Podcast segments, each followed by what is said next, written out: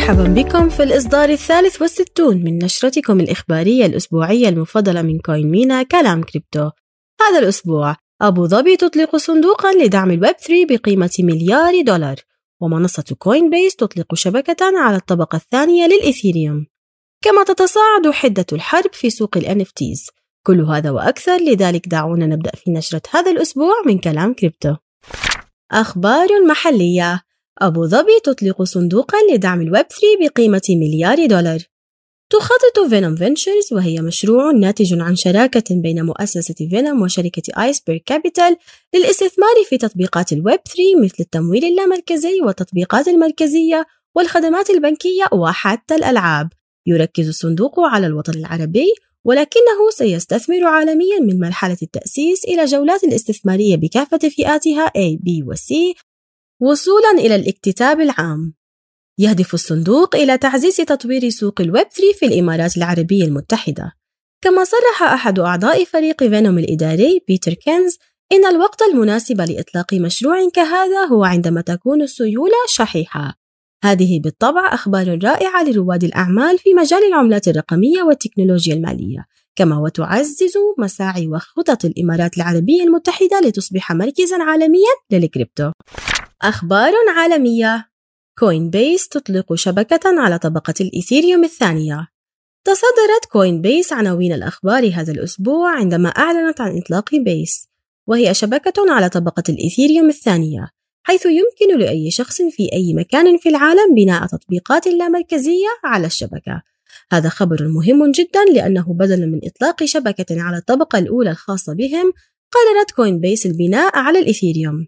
الجدير بالذكر أن Base لن تصدر رمزا رقميا خاصا بها وستستخدم بدلا من ذلك الإيثر كرمز رقمي لدفع رسوم الغاز.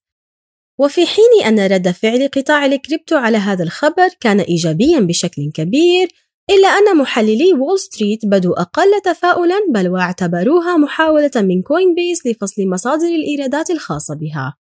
ومع ذلك يعتقد متحدث باسم Coinbase أن وول ستريت تركز على المدى القصير ولا تنظر للرؤية الشاملة مع منتج البنية التحتية هذا تهدف Coinbase إلى ضم مليار شخص إلى سوق الكريبتو وتقليل الاحتكاك الذي يواجه المستخدمين من خلال توفير نظام ويب 3 مبسط تؤكد هذه الخطوة على التزام الشركات بخارطة طريق ال Ethereum المرتكزة على البناء على الطبقة الثانية بدلا من تجزئة الطبقة الأولى. انتهاء الشراكة بين Paxos و Binance أنهت الشركة المصدرة لعملة Binance USD علاقتها مع منصة Binance مشيرة إلى أن السوق قد تطور ولم تعد العلاقة مع Binance تتماشى مع أولوياتنا الاستراتيجية الحالية. منذ أن تلقت Paxos إشعارا من المنظمين في الأسبوع الماضي تبع ذلك حالة من الذعر والتهافت على سحب عملة Binance USD بشكل غير اعتيادي. مما تسبب بانخفاض قيمتها السوقية بنسبة 30% خلال الشهر الماضي. خلي عينك على تناقص النسبة المئوية لكتل الإيثيريوم المتوافقة مع مكتب مراقبة الأصول الأجنبية.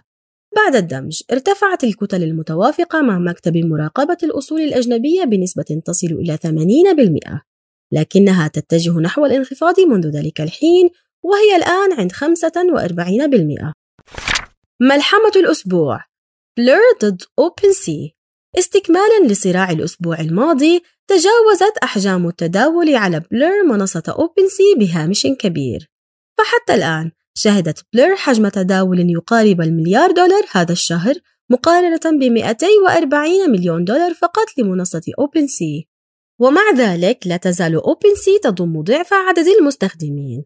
خلال الأسبوع الماضي ألغى عشرة ألاف مستخدم طلباتهم على OpenSea لأن Blur في الوقت الحالي تدير برنامج ولاء لمستخدميها سيدفع ما يقارب 300 مليون دولار في رموز Blur الرقمية وفي هذه الأثناء ولأن عدو عدوي صديقي انضمت شركة LooksRare إحدى منافسات OpenSea إلى Blur في مهاجمة OpenSea هل قلبت بلور سوق ال NFT رأسا على عقب؟ يبدو أنها فعلت ذلك حتى الآن. تغريدة الأسبوع.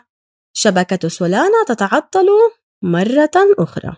لا نستطيع حقا تذكر عدد المرات التي حدث فيها انقطاع لشبكة سولانا خلال العام الماضي. وهذه المرة تعطلت السلسلة لعدة ساعات ولكنها عادت الآن للعمل. أخبار كوين مينا.